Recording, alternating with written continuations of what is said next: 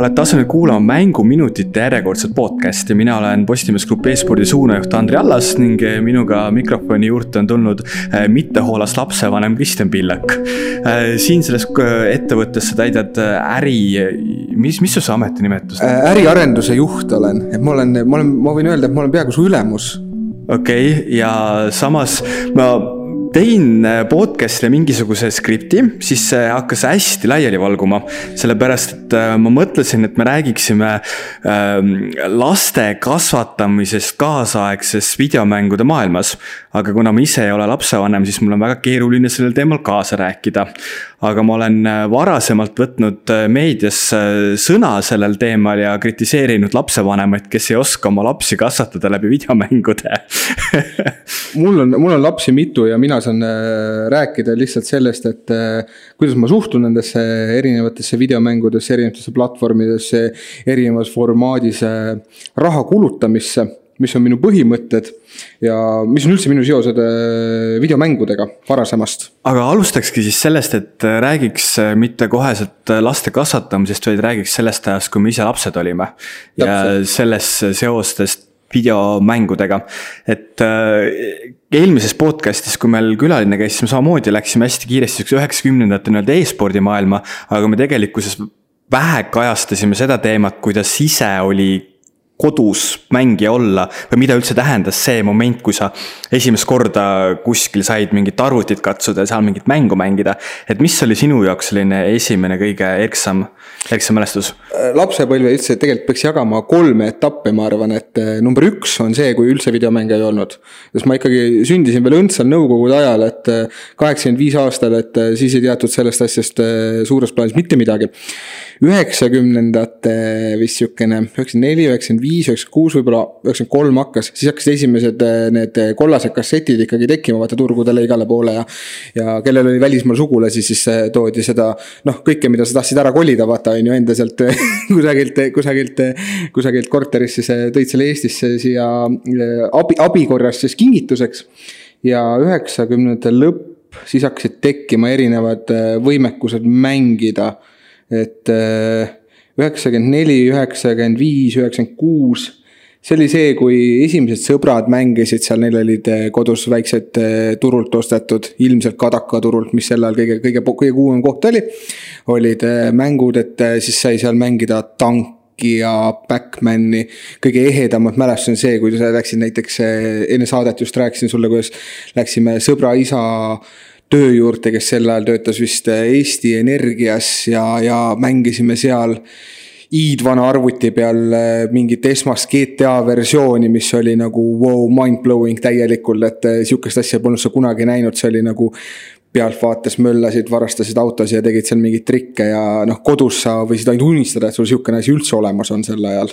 sa räägid siis umbes aastast üheksakümmend viis, üheksakümmend kuus? kuskile sinnakanti see võis jääda ja, et see oli nagu, see oli nagu täitsa uskumatu oli see, et, et üldse kellelgi, kellelgi arvuti oli niiviisi töö juures veel, sest see oli ikkagi nagu valitud inimeste asi sel ajal. kui sa kujutad ette praegu seda äh, momenti, et äh, mingi hetk oli, et kui sul arvuti töö juures oli.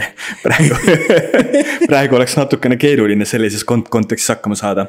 minu äh, esimene konsooli kogemus tegelikult vist oligi läbi selle, et mu onu käis Saksamaal tööl ja siis tema tõi sealt kasutatuna Nintendo Entertainment System'i ehk siis kaheksakümmend seitse aasta ilmunud konsooli ja see oli, ma arvan, et aasta üheksakümmend neli, üheksakümmend viis.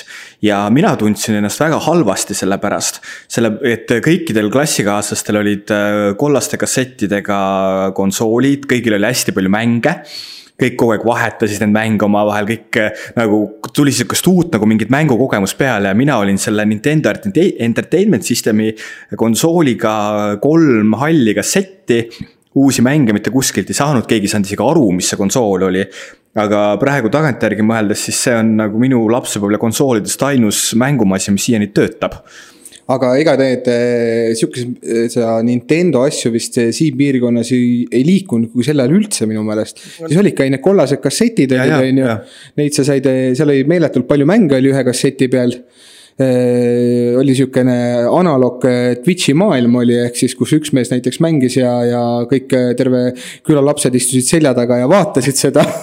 Väga põnev oli, päevad läbi oli see, siis ma mäletan ise ka, et mingi viies-kuues klass kusagil oli see, et ühe mu klassivene isal oli sel ajal nagu ülivõimas arvuti kodus, sest tal oli Pentium sada kuuskümmend kuus oli kodus. väga võimas masin. see oli meele, meeletult võimas aparaat oli seal, et kellelgi, kellelgi sel ajal sihukest aparaati ei olnudki kohe kindlasti tava, tava, tavaolukorras kodus väga ja. mängisime, siis oli juba ikka graafika ja kõik värgid-särgid oli, siis me mängisime seal.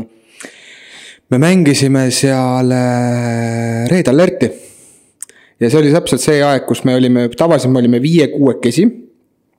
Üks mängis ja siis nende neli-viis äh, last olid selja taga. ja see terve päev läks selle peale, terve päev läks, et see oli nagu meeletu, meeletult sihukene äh, ikka vägev asi oli meie jaoks, et me ainult sellega tegelesime mingi suve läbi, et. et see on tegelikult mängude maailmast on see üldse vist jätnudki kõige eredama mälestuse, sest see kuidagi see oli see aeg, kui sa nagu, see oli niisugune nagu juba vaikselt käega katsutav, aga samas sul ei olnud äh, võimalik väga äh, kuskilt leida seda raha, et su vanemad ei olnud elu sees sulle nõus sihukest tehnikat ostma poodides need asjad olid sel ajal väga-väga teise hinnaga, mis nad täna on.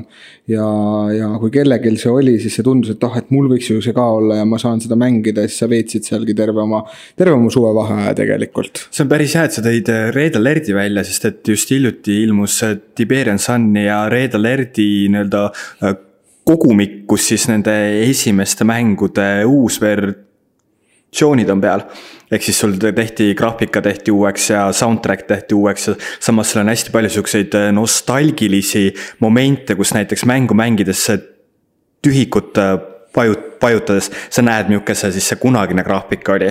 Versus siis see, et kuidas ta nüüd see uus, uus versiooni graafik on. et äh, to tollel ajal nägi kõik nii reaalne välja, aga praegu olles kaasaegses keskkonnas ja vaatad tagasi sellele ajale, siis saad aru, et tegelikult see oli ikka päris kole. ega ma kujutan ette, et tegelikult äh, kui kunagi sai arvutiklassis põhikoolis mängitud äh, üle võrgu äh, Roots, rootslastega oli kõige parem ühendus sel ajal tegelikult Eestis välilink, välislinkide poolest ja siis sai mängitud. miks, miks see nii oli? ma eeldan, et see oli te, Telial oli kõige kõvem kaabel oli, otse Rootsi oli tegelikult seal. sest et siis sai mängida nendega Age of Empires'it väga tuus mäng oli, kõik klassis mängisime seda. Age of Empires ühte siis jah? jaa, loomulikult, ega siis, äh, siis tulid, hiljem tulid juba nagu uuemad versioonid ka, aga see polnud ikkagi see enam, et see oli juba ära rikutud mäng oli selle jaoks kõigi jaoks on ju. aga, aga, aga Age of Empires'i, ma mäletan, me olime arvutiklassis olime õhtuti.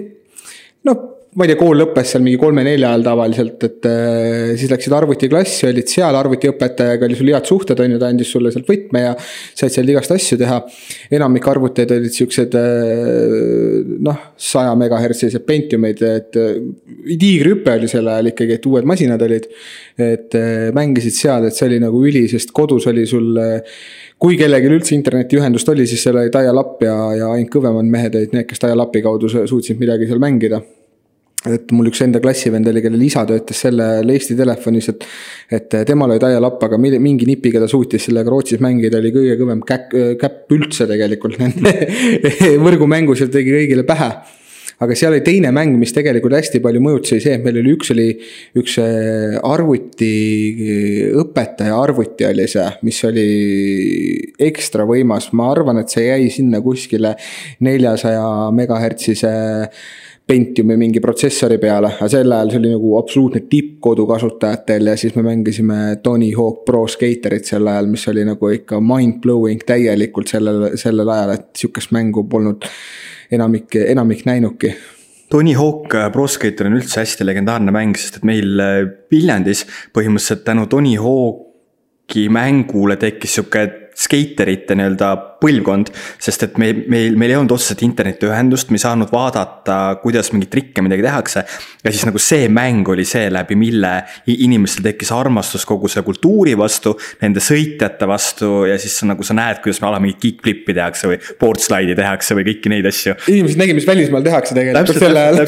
ja nüüd selle aasta lõpus tuleb ka Tony Hawk'i esimese ja teise osa uus versioonid, mida väga-väga oodatakse. et see on nagu väga lahe on näha seda kahekümne, kahekümne viie aastast vahet, kus siis need inimesed, kes nende mängudega üles kasvasid, on nii-öelda praegu juba omal lapsed saanud äh,, ise juba ka tekitanud mingisuguse majandusliku seisuse omale ja siis mängutööstus väga vajutab kogu sellele nostalgia punktile. kusjuures Tony Hawk'i ma hakkasin praegu mõtlema, ma peale selle aja, kui see oli mingi üheksakümnendate teine pool, kui me, see oli üheksakümnendate lõpp, kui see oli seal, eh, kui me mängisime seda peale seda ma polegi seda kordagi mänginud, ma pole isegi vaadanud, et.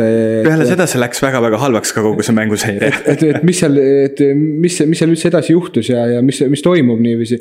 aga mida ma sel ajal ka mängisin tegelikult, ise mängisin hästi palju, ma mäletan, et oli üks suvi kus oli Colin McRae eh, ralli oli, noh, ta oli sel ajal mitte enam kõige, kõige värskem mäng isegi, aga, aga ta oli väga popp ja kõik me, kõik me sõbrad mängisime seda. ja ühe suvevaheaja ma tean, et ma olin ikka sihuke tõsine, tõsine mängur sel hetkel selles vallas, et ma läksin äh, sihukene nelja-viie ajal tavaliselt hommikuti magama, nagu tänapäevalgi on ju ikka tuleb minna.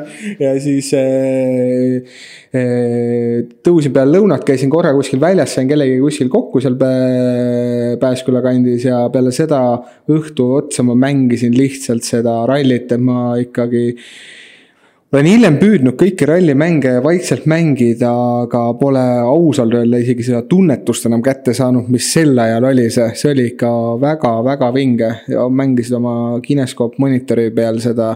ma ei tea, see tundus nagu ulmeliselt hea graafika sel hetkel. nojah, oligi oligi jah, ei kusjuures ega ta väga hull ei olegi selles suhtes, et ma üks kaks aastat tagasi vist äh, Steam'i pealt võtsin selle mängu endale ja proovisin veel korra läbi mängida ikka, kõik tuli meelde, kõik tuli meelde, kõik kohad olid tuttavad, kõik kohad olid läbi mängitud, mis sa vaatasid, ahah, siin tuleb ikka niiviisi külg ees minna ja siin tuleb kohas põhja vajutada. aga kuidas sa tollel ajal täheldasid sihukest videomängudega kaasas käivat sotsiaalset survet? absoluutselt ei olnud. absoluutselt tegelikult ei olnud, ma mõtlengi, et, et äh, esiteks oli see, et see oli äh, paljude jaoks kättesaamatu tegelikult kui ma mõtlen, kui ma veel sihukene äh, algkooli lõpp, põhikooli algus, kui need mängud hakkasid minu maa, maailma tekkima absoluutselt ei olnud see, seda survet, sellepärast et, et enamikul ei olnud seda, kellel oli, noh, see oli ikkagi väga, väga tehtud tüüp oli ikkagi ja, ja, ja. ja kui juba vanemad sulle ostsid midagi, siis see oli nagu ikkagi väga vinge samm sel hetkel.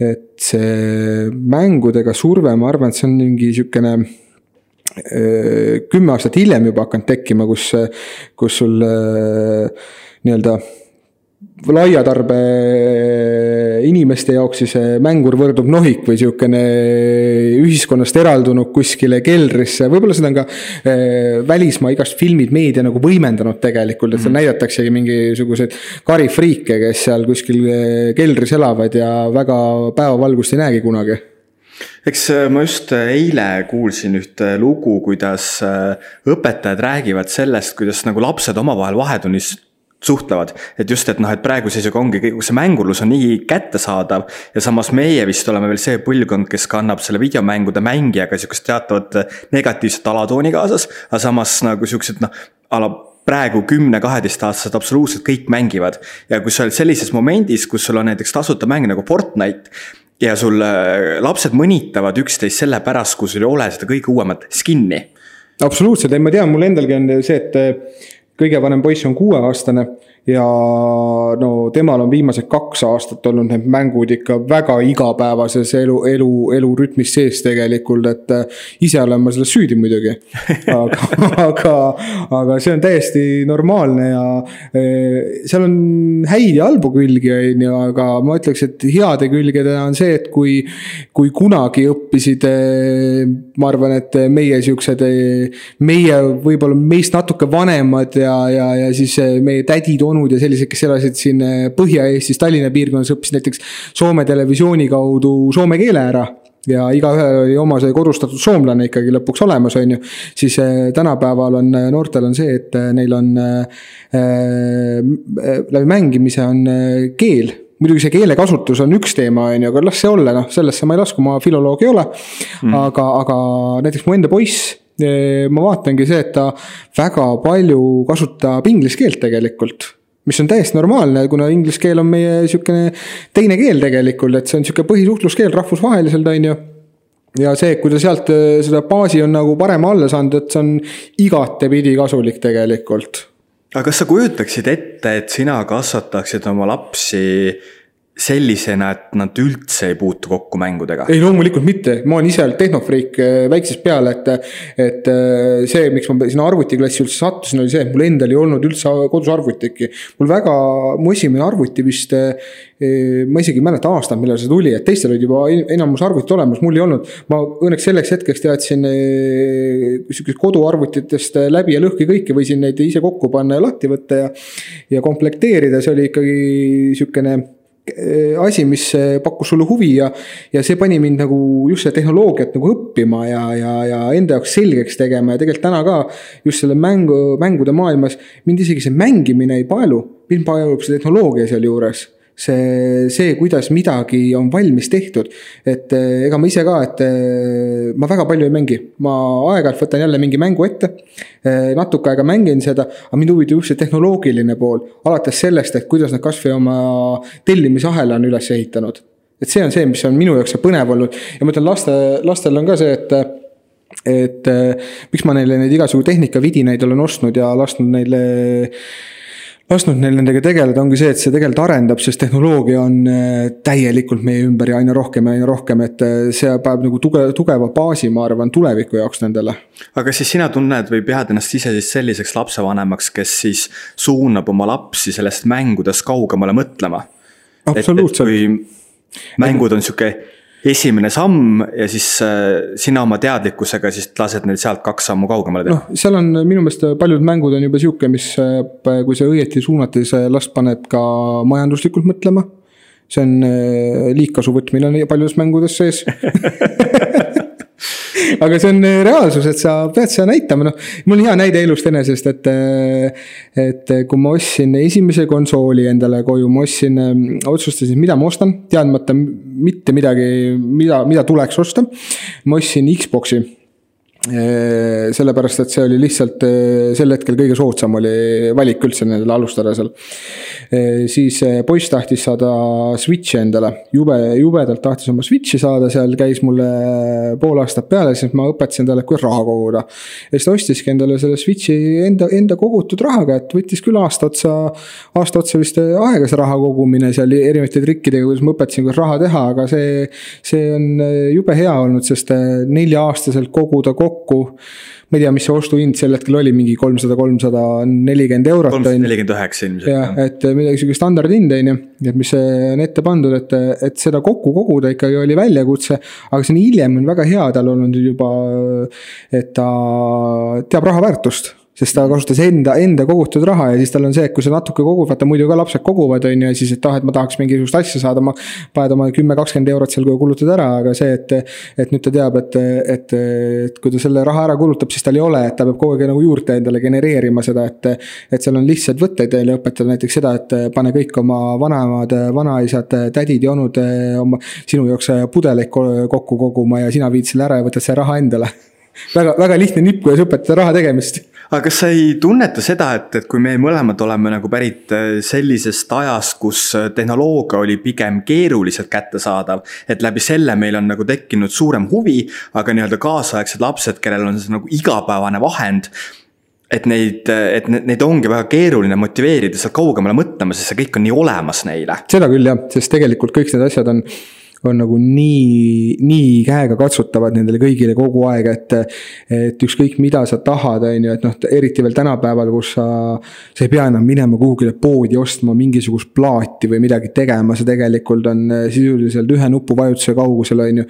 et vahet ei ole, et meie regioonis on mingisugused teenused ametlikult nii-öelda pole toetatud, aga noh, me saame siis olla mõne teise regiooni kasutajad ja, ja ikkagi tarbime neid asju edasi, on ju. et äh, see on väga, väga lihtsaks, väga kergeks läinud nende jaoks ja eks neil ongi raske aru saada seda, et, et, et asjad, asjad tegelikult äh, neil on mingisugune rahaline väärtus, mingisugune kulu, et äh, nende jaoks on see lihtsalt üks nupuvajutus, mis, mis see, mis see siis on, on ju. eks see tekitab kindlasti väga paljudele vanematele tõsiseid tõsiseid probleeme, sellepärast et. et on äh, lapsi, kes saavad endale seda lubada, on lapsi, kes ei saa seda lubada. aga kui sa ei saa seda lubada, siis sul ikkagi nagu lastel on see soov saada, siis nad käivad sulle kogu aeg sellega, käivad sellega peale. ega ma isegi olen vaadanud, et, et näiteks konsoolide maailmas see konsool äh, ei maksa väga palju midagi võrreldes sellega, mida sa sinna peale hakkad hiljem kulutama, et kui ma vaatan sinna toanurgas seisva, mul on vist lapsel kõige rohkem on eh, Lego mänge. Mm.. praktiliselt kõik, mis on olnud, me oleme ostnud veel plaatide peal, me isegi pole neid niiviisi tellinud sinna, aga, aga me oleme ostnud plaatide peale ja tegelikult, kui sa kogust vaatad, siis sa saad aru, kui palju sa sinna oled ikkagi sisse investeerinud nendesse mängudesse, et iga see plaat maksab sul seal noh, kakskümmend viis kuni nelikümmend viis eurot, ütleme ja kui sa vaatad seda hunnikut ja korrutad seal läbi, siis saad aru, et äh, see konsool ei maksa selle kõrval mitte midagi no uus mäng ikkagi, see maksab kuuskümmend üheksa eurot Eestis nojah, äh, kui ole, oleneb, ütleme sellest žanrist, et no, need laste, lastemängud on see, aga lastega muidugi see on see, et ega seal ei saa peab võtma mõistuse piires ka, et, et sa pead valima neid mänge, neid žanreid, et mida, mida talle üldse tutvustada ja näidata, sellepärast et ega. ega enamik lapsed alguses ta ei saa selle mängu motoorikale, ta ei saagi pihta. Tema jaoks on see üks äge liikuv pilt, mingisugused tuttavad tegelased mm. -hmm. et, et see on nagu suhteliselt raha raiskamine, kui sa lihtsalt talle ostad mingisuguseid korralikke mänge ja ta ei tee nendega mitte midagi. pigem just vaadata tema võimete kohaselt niiviisi jah, seal äh, mujal maailmas kasutatakse seda vanusest tulenevat hi hindamissüsteemi, ehk siis see PEGI reiting. aga Eestis äh, la Lastekaitse Liit on pikalt plaaninud seda kuidagi kohustuslikuks teha, aga nüüd viimase kahekümne aastaga nad sellega hakkama ei ole saanud igal juhul. no ma enda, enda kodust olen ka vaadanud, et ütleme, vanem poiss, ta hakkas niiviisi nelja-aastaselt hakkas nagu rohkem mängima. ja siis talt oligi see, et kuna ta avastas enda jaoks just see Lego sarja siis äh, kuna ta mängis muidu ka legodega, on ju, see mm. tundus nagu huvitav, sealt pealt see tekkiski. vaatas seda Lego sarja, siis see on nagu sihuke, mis tuli hästi ruttu kätte ja hästi sihukene äh, arusaadav oli temale. samal ajal, kui ma võtangi, et mul oli kolmeaastane poiss, kes võttis äh,, hakkas äh,, proovis Dirti mängida. andsin talle ka puldi kätte seal ja, ja seal on just hea vaadatagi seda, et tal on jube fun on ilgelt fun on, kogu aeg mingisugune naer ja möll käib. aga tema mäng seisneb selles, et ta lihtsalt, ma panen talle selle freeride'i panen tööle. ja siis sõidab ringi ratast ja tavaliselt näiteks pool tundi üritab kuskil aiast näiteks läbi sõita. et eh, kõik põleb, tossab, aga, aga, aga midagi ei juhtu, aga see ongi tema see mängu seal osa lihtsalt. palju sa oma lastega ise koos mänge mängid? kusjuures ma mängin tegelikult suhteliselt vähe ma mängin suhteliselt vähe, sest et äh, mul on see, et see on nagu spordis ka, et kui sa hakkad midagi tegema, siis sul tekib sihukene hasart sinna sisse.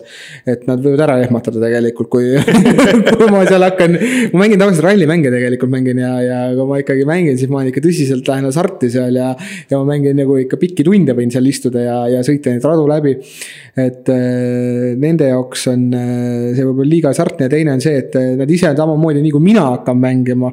siis mul on vähemalt kaks poissi, kes istuvad mul kohe seljas, et anna mulle, ma tahan ise ise proovida seda mm. nüüd siin on ju. et, et suhteliselt vähe mängin, et pigem ma nagu, eh, kui nad küsivad midagi, siis ma näitan neile kui ma muidugi ise ka aru saan, mis seal, mis seal toimub sel hetkel kui saad. kui ma saan aru.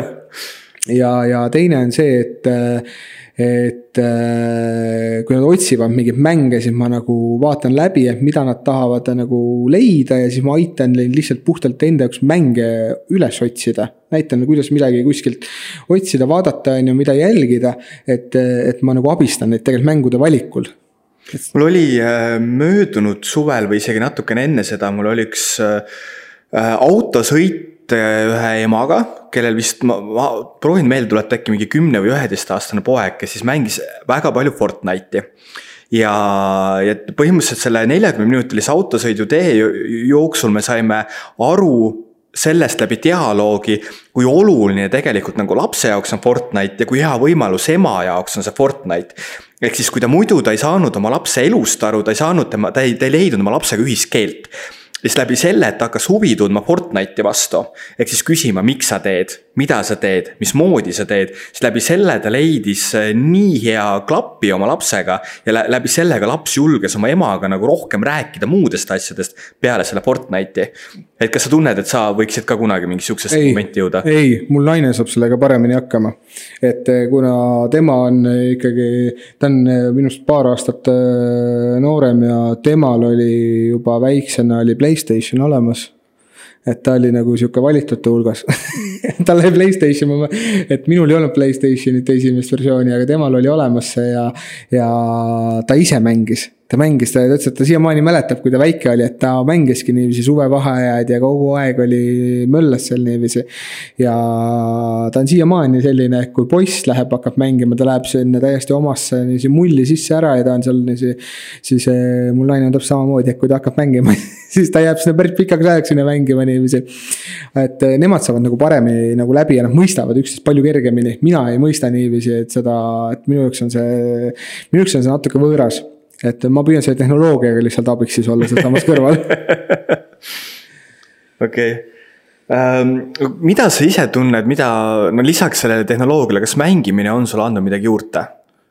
jaa, ta on andnud äh, tegelikult mängimine, kõik on tehnoloogiaga seotud küll, aga näiteks mängimine on andnud minu meelest väga palju juurde äh, sihukesel strateegilisel mõtlemisel, sellele on ainult tegelikult äh, strateegiamängud. Ja teine, mis on mängimisel, on äh, minu meelest väga hästi juurde andnud, on andnud suhtlemisoskust kuigi arvatakse, et mängimine ei anna sulle äh, suhtlusoskust, sest sa oled seal mingis omas kookonis ja räägid krüptiliste sõnadega, millest ainult mingi valitud klann saab aru. aga tegelikult on see, et kui ma nüüd järele hakkasin mõtlema korraks siin, et et eh, samamoodi mingi üheksakümnendate lõpus ma mängisin väga palju sihukest mängu, mis on nagu hästi vana mäng. nagu Range'u ehk siis Go, mis on natukene eestlastele meenutab kabet mm. -hmm. ma mängisin seda üle võrgu, mängisin äh, Äh, asia-, asiaatidega sealt äh, USA-s. ma mäletan hästi palju San Francisco piirkonnast jäi mängijaid ja see andis tegelikult sulle suht-, rahvusvahelist suhtlust, puhast keelekasutust kogu aeg niiviisi. ja see on nagu väga-väga siukse noh, et ega mängimis on ka hea, hea küll, et sa küll ei näe näost näkku inimestega ikkagi, et sa lähed kellegagi hakkad suhtlema, täiesti võõra inimene, kusagil teises maailma otsast, aga sa suhtled temaga tunde ja tunde. ja see on minu meelest äh, väga palju nagu andnud sihukest just noh julgust juba väiksest peale, et sa lähedki, astud lihtsalt ruumi ja noh, teeme nüüd ühe mängu ja suhtleme siin ja räägime muudest asjadest ja ma mäletan juba sel ajal, et. et ega seal, seal sai kõigest rääkida maailma asjadest, mis seal olid niiviisi sel ajal, et, et see oli nagu sihuke chat ja, chat ja mängimine koos ja, Go ise on sihukene noh, nagu kõik need äh, vanad mängud, äh, et ta on niisugune mõttetööd arendav tegelikult hästi lihtsas formaadis, aga mõttetööd arendav, et see on minu meelest nagu igati kasulik olnud, et see on su. su tuleviku jaoks korralik alus olnud, et sa ei ole sihukeses kinnises ühes kultuuriruumis üles kasvanud, vaid sa tead, mis mujal maailmas ka toimub ja. ja mida teised teevad tegelikult ja, ja annab sulle sihukest tugevat potentsiaali äh, mõelda natuke suuremas plaanis, kui, kui lihtsalt see, et mida sa hetkel näed ja tunnetad mängude puhul on üldse ähm, hästi põnev vaadata kõrvalt, kuidas sellised minust kakskümmend aastat vanemad inimesed proovivad sellest mängude maailmast aru saada. ja siis nad kuidagi nagu piiritlevad selle, seda mängude maailma hästi sihukese nagu vana harjumuspärase maailmaga, et jah, et meil on nagu riigid, meil on riigipiirid, meil on oma kultuuriruumid. aga mängude puhul, eriti nagu online mängud, et sihukest asja ei kehti enam. ehk siis, et see on, kõik on, kõik on nii laiali, kõik on nii nagu sihuke üks, üks keskkond.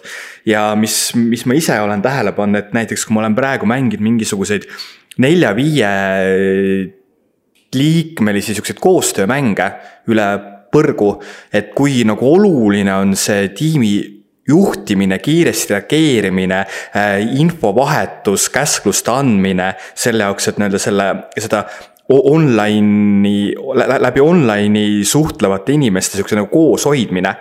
puhas, puhas tegelikult sihuke juhtimispraktika on. täpselt, täpselt. sinu jaoks, et, et kuidas üldse inimesi juhtida, kuidas erinevaid ülesandeid täita. ja tegelikult on see, mida, mis ma arvan, et mängud äh, väga palju arendavad, kui, kui sul vähegi potentsiaali on, on äh, sihukeste kompleksülesannete lahendamine. et äh, elus on igal pool on see, et sul tulevad mingid probleemid ette, mis on komplekssed, seal on mitu, mitu mitu väiksemat probleemi. paljud inimesed ei saa sellega hakkama. ta kratsib kukalt ühelt poolt, teiselt poolt natukene ja siis äh, tõstab käed püsti, et see on liiga keeruline mm.. aga tegelikult mängud oma maailmalt ongi selliseid, kus on äh, kompleksprobleemid ja kui sa seal suudad ennast ennast äh, kehtestada ja neid lahendada, siis ma arvan, et see päriselus annab ka palju juurde.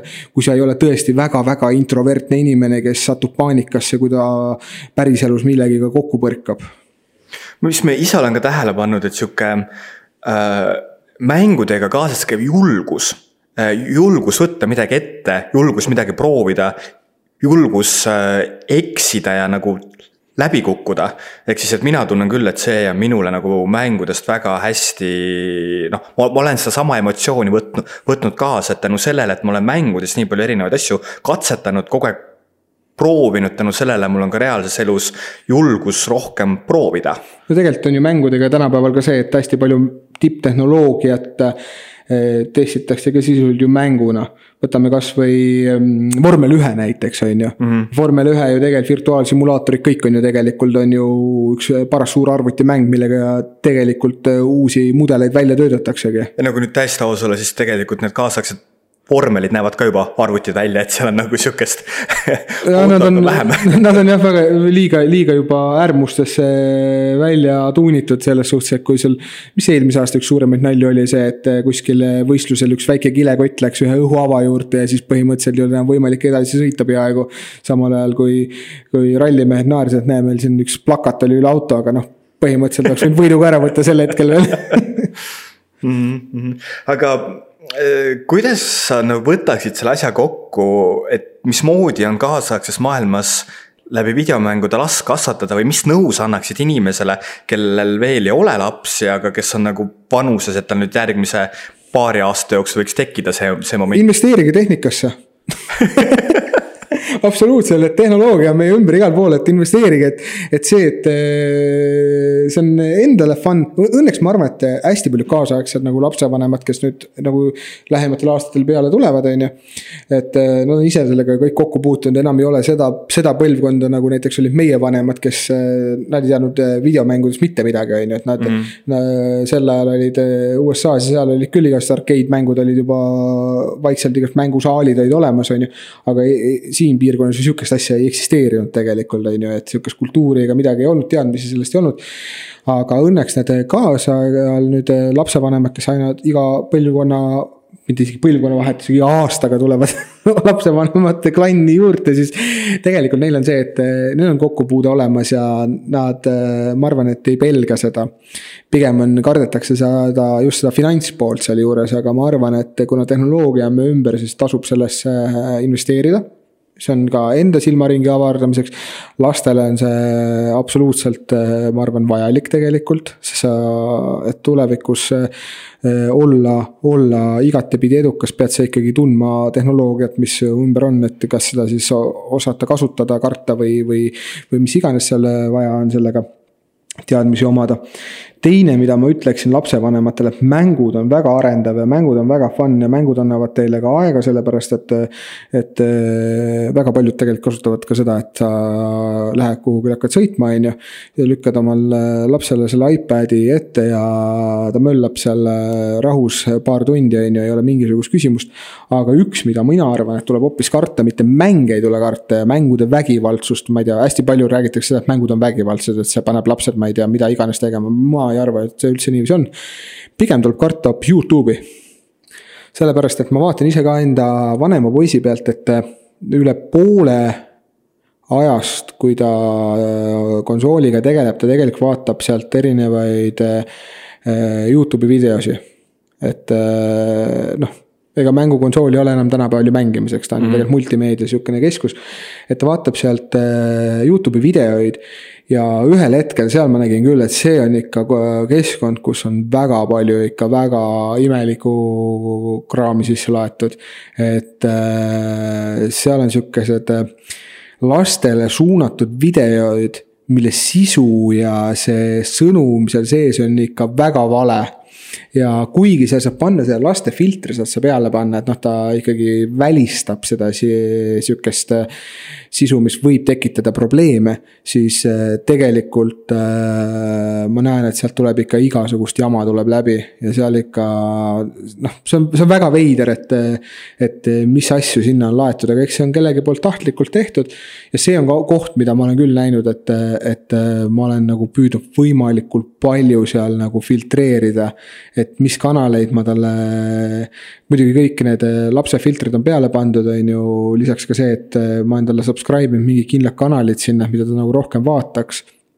et muidu sealt, eh, ma mäletan, et mingil hetkel tal oli, ta ütles, et ta nägi mingisuguseid väga imelikke unenägusid juba sellest asjadest mm., mida ta vaatas seal, et see hetk oli minu jaoks nagu silmi avardav, et ennem ma ei pööranud sellele tähelepanu, sest.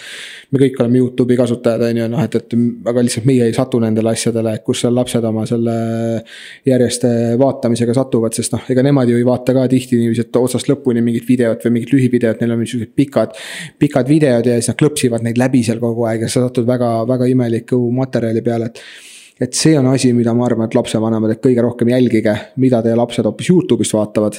ja millist sisu seal on ja kuidas seda piirata tegelikult, sest äh, mängud on nagu. mängud on väga-väga süütud äh, ja väga harivad äh, tegelikult, kui neid õieti kasutada, võrreldes sellega, mida. mida erinevad inimesed tegelikult videokeskkondades jagavad. eks mängud olegi siuksed väga nagu raamistatud kesk-, keskkond, et sa ostadki ühe mängu ja sa tead, et see laps mängib antud mängu. aga eks ma ise olen ka leidnud ennast äh, Youtube'is ühte videot hakates vaatama, kolm tundi hiljem vaadates hoopis teisi videoid. kus tõesti tekib küsimus, et kuidas ma nüüd siia sain et see on, äh, see on, Youtube on sihuke nagu jah, ta ongi sihuke must auk, et kui sa ikkagi sinna. sa hakkad mingit asja vaatama, siis sa võid seal sattuda tundideks ja tundideks järjest mingeid asju läbi vaatama. et äh, ja lapsed on see, et noh, ta eriti veel tema nagu haakub sinna külge eriti kergesti. ja see võib ollagi nii, et ta hommikul tõuseb äh, ja on äh, seal südaööni, vaatabki lihtsalt mingisuguseid asju, on ju. noh, paljud on muidugi õnneks ka striimereid, keda nad seal jälgivad, niiviisi kindlad inimesed, on ju. kelle striime nad hakkavad jälgima või kelle siis siukseid lindistusi nad jälgivad sealt pikalt. Aga seal vahele lihtsalt aeg-ajalt soovitab ikka väga, väga, väga, väga veidraid asju, seal on siuksed. et isegi vaatasid, et mis, mis toimub nagu, et eh, siuksed eh, nagu laste lavastused, mis on nagu puhas, puhas porr sõna otseses mõttes mm. ikkagi et seda on nagu väga palju seal sihukest asja sees tegelikult. et eh, ma arvan muidugi, et Google tegeleb väga jõudsalt selle välistamisega selle kustutamisega. aga samal ajal noh, kui sul on terve maailma erinevate mõttemaailmadega inimesed seal taga, siis seda tuleb rohkem peale, kui seda suudetakse ära elimineerida tegelikult. ja see on küll soovitus lapsevanematele, et jälgige, mida teie lapsed tegelikult ongi Youtube'is ja ka teistes videokeskkondades jälgivad. et äh, Twitch'iga mul endal tegelikult väga palju kokkupuuteid ei olegi ja ma mõtlen, et mu enda nagu poisid on ka veel niivõrd väikesed, et nemad veel sellesse maailma nagu sisse ei ole läinud. aga ma arvan, et seal see ei ole ka nii suur probleem tegelikult no,. seal on äh, ka see teema, et sealne see video hulk kui see sisu hulk on ikka nagu kümneid kordi väiksem kui see, mida sul laetakse Youtube'i. ja Twitch iseenesest oma olemuselt on nagu väga suunatud sellele ühele äh, nagu sisule, mida sa vaatad antud hetkel.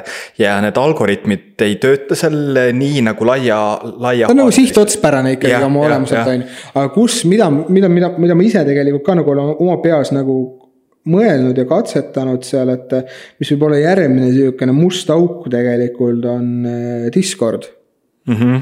et eh, ta on juba täna tegelikult, kui vaadata, mis kanaleid sinna sisse on loodud niiviisi, kes oskab otsida, siis ta on nagu sihukene vaikne tumeveeb, et eh, seal on kõike. seal on kõike seal, seal on kõike, et, et eh, minu jaoks oli tegelikult Discord oli päris müstiline asi, oli see, et. et ma kogu aeg kuulsin, kõik rääkisid sellest. et kõik nagu, kes seal, kes seal oli mingisugune aktiivsem ja kes, mis asja. ma ei saanud aru siiamaani, mis asi see on. ja siis äh, mõni nädal tagasi sina, sina tegid mulle tutvust sellega. ja siis ma vaatasin, et vau sihukene asi või. mul tulid meelde, jällegi tulid üheksakümnendad tegelikult meelde. Äh, jututoad omaaegsed mis olid väga populaarsed sel ajal. ma ei tea ka isegi, kas Eestis täna, täna enam niiviisi jututubasid vist ei ole niiviisi, et. Nad on vist nagu, kõik on sellised kaasaegsematesse platvormidesse. jah, et sul ei ole vaja enam sihukest eh, mingit spetsiaalset eh, Mirgi klienti, et millega installid endale ära sinna ja siis hakkad seal midagi sihukeses noh, terminali sarnases eh, vaates mm -hmm. midagi jutustama, on ju. sest et noh, kaasaegsed jututoad on ikkagist Instagram, TikTok, Tinder et see on nagu pigem sihuke kaasaegne jututuba. Tinder ei ole jututuba ju. on küll Tinder on väga jututuba. see on see pikka juttu ajada ju Äh, ajad täpselt nii pikka juttu, kui vaja on. okei, ei TikTok on kindlasti on, et äh, TikTok on ka üks pull keskkond tegelikult, ma vaatan nüüd, et. et ta oli nagu aastaid oli nagu lastekeskkond, ma saan aru, mul nagu kõigi tuttavatel, kellel on nagu veits vanemad lapsed mm. -hmm. Nemad olid jubedad TikToki kasutajad juba on ju ja, ja. ja nüüd ma olen vaadanud, et TikTok on läinud ka vanemale generatsioonile siuksed kolmekümne, neljakümne aastased, kes seal möllavad tegelikult mm. -hmm. et äh, see on küll ja seal on suhtluskeskkond ikka aga, päris tugev. aga see on täpselt sama teema, et vaata, kui nagu Facebookist noored on kõik ära läinud, sest et nende emad-isad on sinna läinud, on ju. ehk siis, et nagu, et kui nüüd nende emad-isad lähevad TikTok'i, kuhu siis nagu need noored sealt edasi lähevad. oota, kas Reiti läksid siis vanemad vanaisad või? ja, ja see on ikka täiesti, täiesti mingisugune seda, seda peaks vaatama järgi, et seda pole, seda pole ammu näinud, et mis seal toimub, see oleks päris huvitav. oota, kuidas see jaotus siis on, et Reit on vanema vanaisa, Facebook on emad-isad, mis siis Instagram on õed-vennad või? Instagram on õed-vennad vist jah, ja TikTok on siis siuksed äh, väiksemad õed-vennad ja Discord on tegijatele või? Vot see on päris huvitav, kuhu siis see Discord liigitub et Discord, Discord on siukene, et, et mul oli huvi tegelikult see Discordi vastu ja mul päriselt, ma võtsin selle ette ja hakkasin siis uurima nende kanalite kohta ja värki. ja vaatasin, kus sa ikka uurid, Youtube'is vaatad on ju, et, et, et, et kus midagi on ja. ja siis ma avastasin küll, et vau wow,, see on üks eh, kahtlane koht pikas plaanis, kui sinna nagu sisse satud valedesse kohtadesse. mulle Discordiga seoses oli päris põnev vaadata, kui nüüd eh, eriolukorra ajal kõik eh, koolitunnid eh, suunati sinna Zoom'i. ja Zoom on ju iseenesest nagu tasuline platvorm, nagu ma saan aru. ta on jah sihuke semi, et ütleme, ehk et, et võid kasutada tasuta, kui tahad midagi teha, siis hakkad maksma. aga, aga siis ongi see, et, et aga kõik lapsed, kes igapäevaselt kasutasid Discordi, siis neid ant-, neile anti nagu, et nüüd peate kohustuslikus korras hakkama kasutama Zoom'i, mis on nagu kasutaja mugavuse mõttes tunduvalt halvem tasuline. Ja siis lõpuks oligi see, et kõik, kõik inimesed olid keskkonnas, millest noh, õpetajad ei tundnud seda, lapsed ei tundnud seda, aga miks mitte nagu tuua lapsed sellesse samasse keskkonda, mida nad niikuinii igapäevaselt kasutavad, kus saab ju täpselt samamoodi kõik need asjad ära lahendada ma ei tea, kas sinna videopildi saab siis. saab, saab, saab, saab, saab, jah. samamoodi saab sinna ju. see on väga hea mõte tegelikult ja. et näiteks nagu mina ju kõik oma e-spordi asjad olen teinud läbi Discordi, sest et ma saan ka sealt saata ju pilti, ma saan sealt võtta pilti vastu, noh. nii. ja enamikel lastel, kes on juba seal kuskil sihukene tegelikult ma ei tea, kas, kas algklassides neil kõigil on juba nutitelefonid, aga, aga põhikoolis neil kõigil on juba ammu nutitelefon. minu õel on seitsmeaastane laps ja tema põhimõtteliselt kooli minnes sai omale nuti. ja, ja mul ka poisil on, ma andsin enda vana telefoni talle, ta kasutab seda peamiselt küll mängimiseks, aga, aga see selleks. et eh, mobiilimängud on kusjuures see, millest me polegi rääkinud see on ju kõige kõvem sektor tegelikult laste, laste seisukohalt, aga tagasi tulles see Discordi juurde, siis sul on hea mõte tegelikult, et, et äh, õpetajad oleksid pidanud äh, kindlasti teatud vanuserühmades ikkagi omal õpilased suunama sinna keskkonda, mida nad kogu aeg kasutavad. Yeah see on väga, et, et ma, ma kujutan ette, et ka mingites koolides kasutati mingisuguseid ime, ma ei tea hariduse edendamiseks mõeldud suhtlusplatvorme ja nii edasi, mis tegelikult äh, reaalsus näitab, et need mitte kunagi ei tööta korralikult, on ju. sest äh, kui sul on kõrval sihukene ükskõik, kasvõi äh, Messenger, mis on nagu meeletult arenev ja, ja, ja kõik funktsioonid on seal miljonite poolt läbi testitud, siis erinevad need sihtotstarbelised haridusalased alased rakendused tihti on tehtud ühe hanke käigus ja mm, -hmm. ja noh, kahjuks on jäänud natuke toppama oma, oma, oma lahendustesse, et see Discordi kasutamine. ma pean seda soovitama paarile õpetajale kohe, mul see on, hea mõte on see. sest et noh, seal on kõik need võimalused olemas ja minu meelest seal on isegi natuke rohkem neid kui Zoom'is mis, et, et kui mina hakkasin, kui ma kuulsin sellest, et Zoom'i surutakse peale, mul tekkis hästi palju küsimusi sellega seal kindlasti on mingisugused videokonverentsi mingid põhimõtted, mis seal ei tööta, on ju, aga ma arvan, et. et see nendele koolilastele on kõige väiksem probleem tegelikult, sest mm. nad on juba selle suhtluskeskkonnaga harjunud, nad teavad, kuidas seal suhelda. et nüüd, kui see õpetaja, kes on väga ärksa vaimuga, võtab selle endale ette ja hakkab seal möllama. siis eh, sellest on talle väga-väga, väga-väga palju kasu just eh, suhtluses eh, õpilastega tegelikult. ja see on hea mõte mm. -hmm. võtame siis kiiresti mobiilimängud ka korraks ette. statistika osas kogu mängutööstusest mobiilimängud moodustavad peaaegu poole. aasta kaks tuhat kaheksateist oli käibe mõttes olid mobiilimängud nelikümmend üheksa protsenti. ma usun seda et see on nagu see, see mastaap, et noh, alati nagu mobiilimängud kuidagi tahetakse nagu sinna kõrvale lükata aga samas nad on nagu nii suur osa sellest. ma arvan, et seal on see asi, et äh, väga paljudele inimestele jälle võtame selle generatsiooni, kes ei ole väga palju mängimisega tegelenud. on seal see, et äh, mobiilimäng äh, võrdsustub bussimänguga jah, jah. et ikkagi uss on ju, ja siis teine asi on see, et väga paljudel inimestel ei ole võim, noh, siukseid korralikke telefone ongi siuksed äh, allotsa odavama klassi telefonid ostetud. mis tegelikult tähendab seda, et noh, ta polegi väga saanud mängida seal midagi, sest telefon ei vea nagu midagi välja väga. minul on hästi palju kogemusi sellega, et äh, lapsevanemad keelavad oma lastel äh, mängude mängimise, aga samal ajal ise õhtul, kui lapsed lähevad magama. passid telefonis on ju. võtavad näiteks mingi Candy Crushi või mingi sellise asja ja lihtsalt lükkavadki mingi sinna kaks, kaks-kolm tundi sinna õhtul alla. ja, ei, ma ei ole sellesse, ma, ma, ma ei võrdsu, ma ei saa üldse sellest kaasa rääkida, et. et äh, ma ise ei mängi telefonis, ma võtan korra oma telefoni ette, ma vaatan, mul võivad mingid mängud isegi olla tegelikult. aga ma ise ei mängi, ma tean, et mul kodus äh, kaks poissi mängivad kolmas on nii väike, ta veel ei oska mängida, küll ta siin aasta pärast juba ka oma esimesed mängud teeb.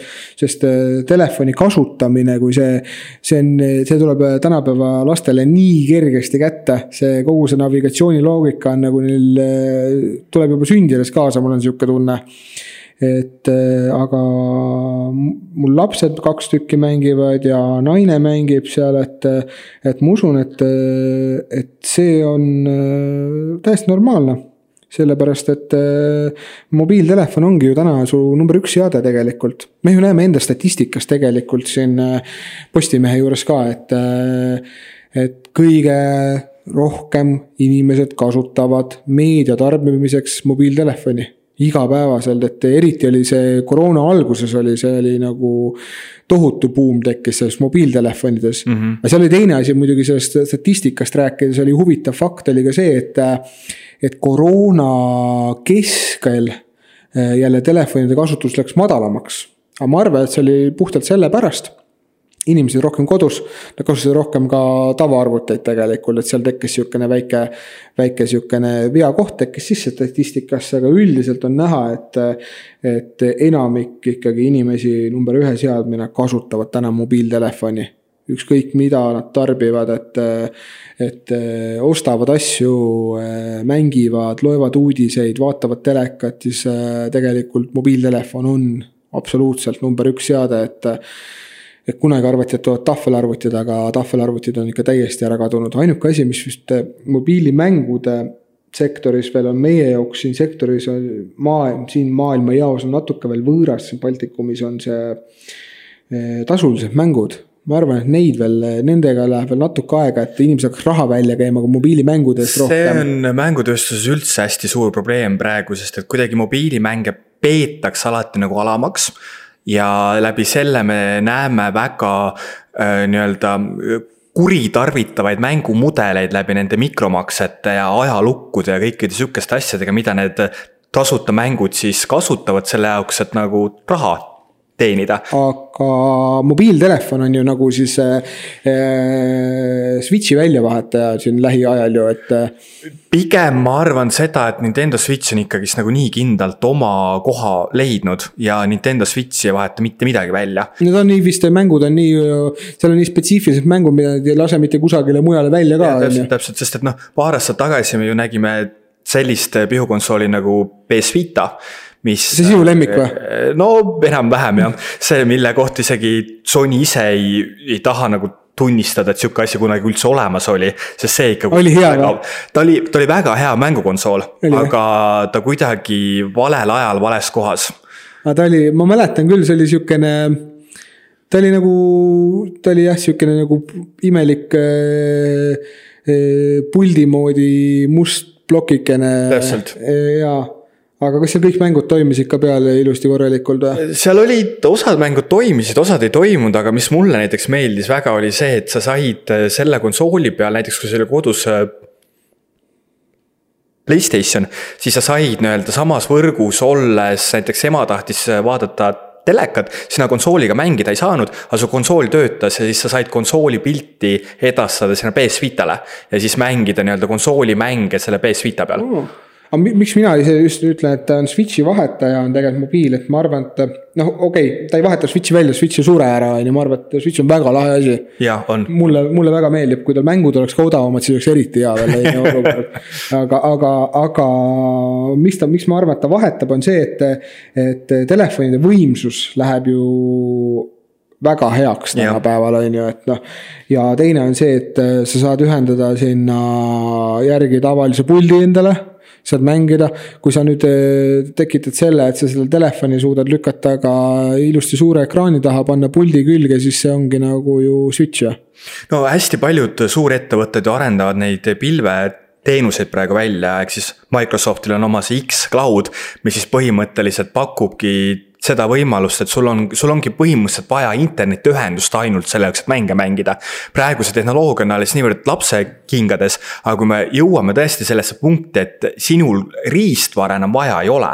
sul on lihtsalt vaja internetiühendust ja ekraani ja 5G. pulti, jah, täpselt. sul on vaja 5G-d ja, ja, ja siis on see, et aga lamedamaa mehed ei saa ju siis mängida ju. no lamedamehed ei peaks üldse midagi tegema. Neil on 5G levi läheb untsu, aga, aga ma loodan, et siis teise, me saame mängida niiviisi, et äh, saame proovida erinevaid asju, saame, saame vaadata ülekandeid erinevaid asju ja saame mängida, et see oleks küll lahe asi oleks jah, selles mõttes, et me oleme, oleme sinna täiesti teel. aga siia lõpetuseks ma nüüd äh, ise mitte olles lapsevanem ja kui ma olen nagu enda jaoks kogu seda lapse saamise, lapse kasvatamismomenti suutnud ära põhjendada, siis see on. Äh, peamine seletus on see, et see oleks väga hea võimalus mul osta väga palju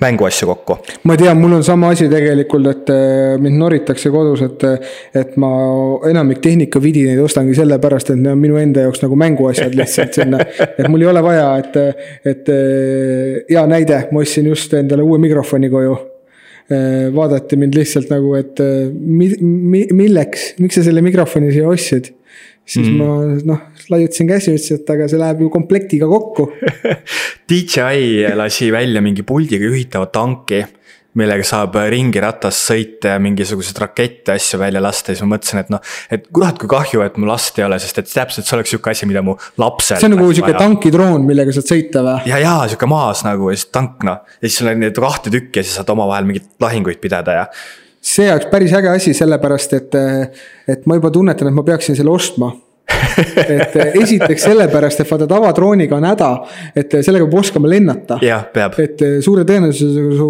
laps sõidab seda tükkideks, kui sa ise enne seda tükkideks ei sõida. no mina olen sõitnud kaks tuhande eurost drooni puruks, et mina rohkem ei taha omal droone. ma olen ühe drooni koju ostnud, see oli sihuke pisikene, sihuke kaitse, sihukese muna sees nagu selline sihuke võre oli ümber mm. -hmm. et ta võis nagu vastu põrandat ja lage lennata, et siis ei juhtunud midagi, et. ma pole raatsinud nagu suuremat drooni osta, sest ma tean, et see umbes esimeseks õhtuks on nagu pilbasteks sõidetud mu üks sõber just ostis omal poisile helikopteri. et eh, kolm päeva hiljem seda helikopterit enam ei olnud, sest lihtsalt lendas, lendas. esiteks ta sõitis eh, üle kvartali ühte hoovi sellega sisse noh, ei ole hullu, kõik on omad inimesed, et keegi pahaks ei pannud seda, on ju. aga, aga jah, siis ta sõitis sellega veel paar korda puusse ja kuhugi asfaldisse ja siis noh, läks maakandmisele. aga see tankiga on ju väga hea, et ma tahaks ise seda saada, et sellega oleks väga lahe niiviisi ringi sõita niiviisi kasvõi kodus vaata niiviisi. see on, see on umbes seesama mentaliteet, et nendes äh, kaasaegsetes startup ettevõtetes peab olema mingisugune Nerfi riiul selle jaoks, et need IT-arendajad saaksid enda nii-öelda seda viha elada välja kellelegi kas on Fortnite'i nerf või? no ikka Fortnite'i nerf jah ja., kellelegi lihtsalt otse ette lasta kuskil koosoleku ajal. ja seal on rocket launcher'iga saad lasta nii üle, üle ruumi, see on päris valus võib-olla isegi. arvata võib, arvata võib. aga, aga, aga jah, et ei, siit on tarkust tuleb kaasa võtta, ma pean minema nüüd otsima, mis see, kus seda tanki saab ja mis ta võimaldab ja kas tal kaamera ka peal on. on, on. aga selline oli Mänguminutite järjekordne podcast ja äh, lõpetuseks mina saan vist öelda seda, et äh, lapse saamine ei tundugi enam niivõrd hirmus asi. ta ei ole üldse hirmus, tegelikult teha on lõbus täpselt, laps, lapsi teha on lõbus. näeme järgmine saade või tähendab, kuuleme järgmine saade, tšau. tšau